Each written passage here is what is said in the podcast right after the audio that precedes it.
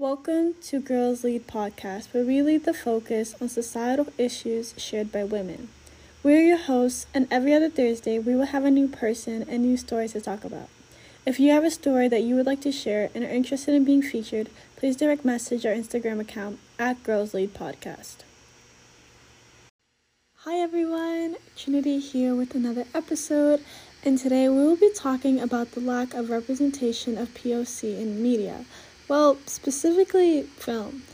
I remember that sometime in 2015, the list of Oscar nominees for the 87th Academy Awards was majority white. Like, no POC were nominated. I don't know, but that's kind of crazy to me. I mean, you probably know the movie Selma, the critically acclaimed film about the civil rights movement that received the Best Picture nomination that year, but not one actor was nominated. There's something extremely wrong with that. Best Picture nominees always have their actors nominated. The lack of nominee of color stems back to the lack of roles given to POC in general. Only seven black women, for example, have ever won Best Supporting Actress, and the majority of those roles were either slaves or servants. A black woman did not win Best Actress until 2001 when Halle Berry made history for her role in Monsters Ball. And guess what? That film was about racism. It's important to know that the Academy is dominated by white males 77% male, 94% white, to be exact. How is it acceptable to have such demographically uniform individuals represent a diverse population? Remember new adaptation film of Peter Pan that was titled Pan? Well, Tiger Lily, a Native American character who is played by a white actress, is a blatant example of whitewashing in Hollywood. This is a case comparable to Johnny Depp starring as a Native American in the tanked film Lone Ranger last summer of 2015. Native Americans make up 2% of the US population in 2010, according to usnews.com. But in 2008, only 3% of roles in TV and films had Native American actors and actresses.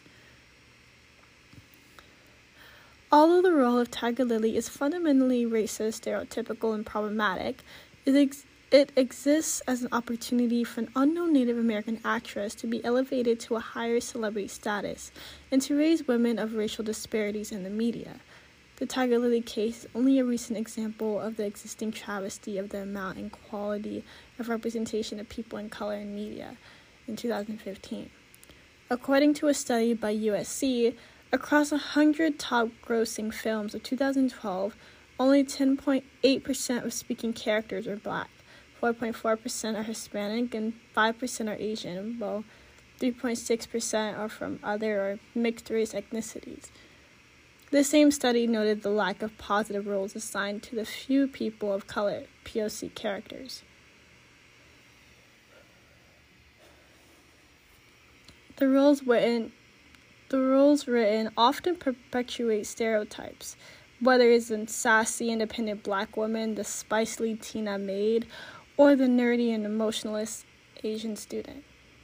Children of color often grow up believing that they are ugly, undesirable, and unintelligent because they do not see their skin color represented in the TV shows and movies they watch. They see white children as the standard and themselves as misfits or outsiders. This also extends to books, magazines, cartoons, and etc. This lends to drops in self esteem ranging from mild to severe, as well as general feeling of inferiority. Inferiority inferiority.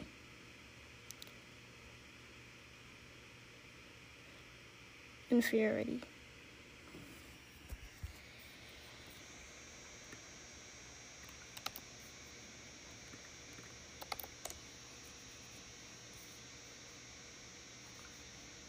Inferiority. Inferiority. Inferiority. Inferiority inferiority. The overrepresentation of white characters in American culture contributes to the systematic oppression of people of color. Negative stereotypes perpetuate discrimination, Eurocentric beauty standards provoke low self esteem, whitewashing. Like in Pan, it erases POC humanity. Like in Pan, it erases POC humanity. Essentially, all of this bad stuff is happening to us because media influences personal opinion. The media currently communicates messages that affect the way others think about POC and how people of color think about themselves. But that's just something you have to remember. But that's just something you have to remember and keep in mind and have this opinion or form an opinion on the concept of the lack of POC in film. And this is where we're at today. It's not a happily ever after, but the US is never like that, with different opinions that often cause conflict. That's a wrap for the history portion. Now let's turn to casual combos with Lillian.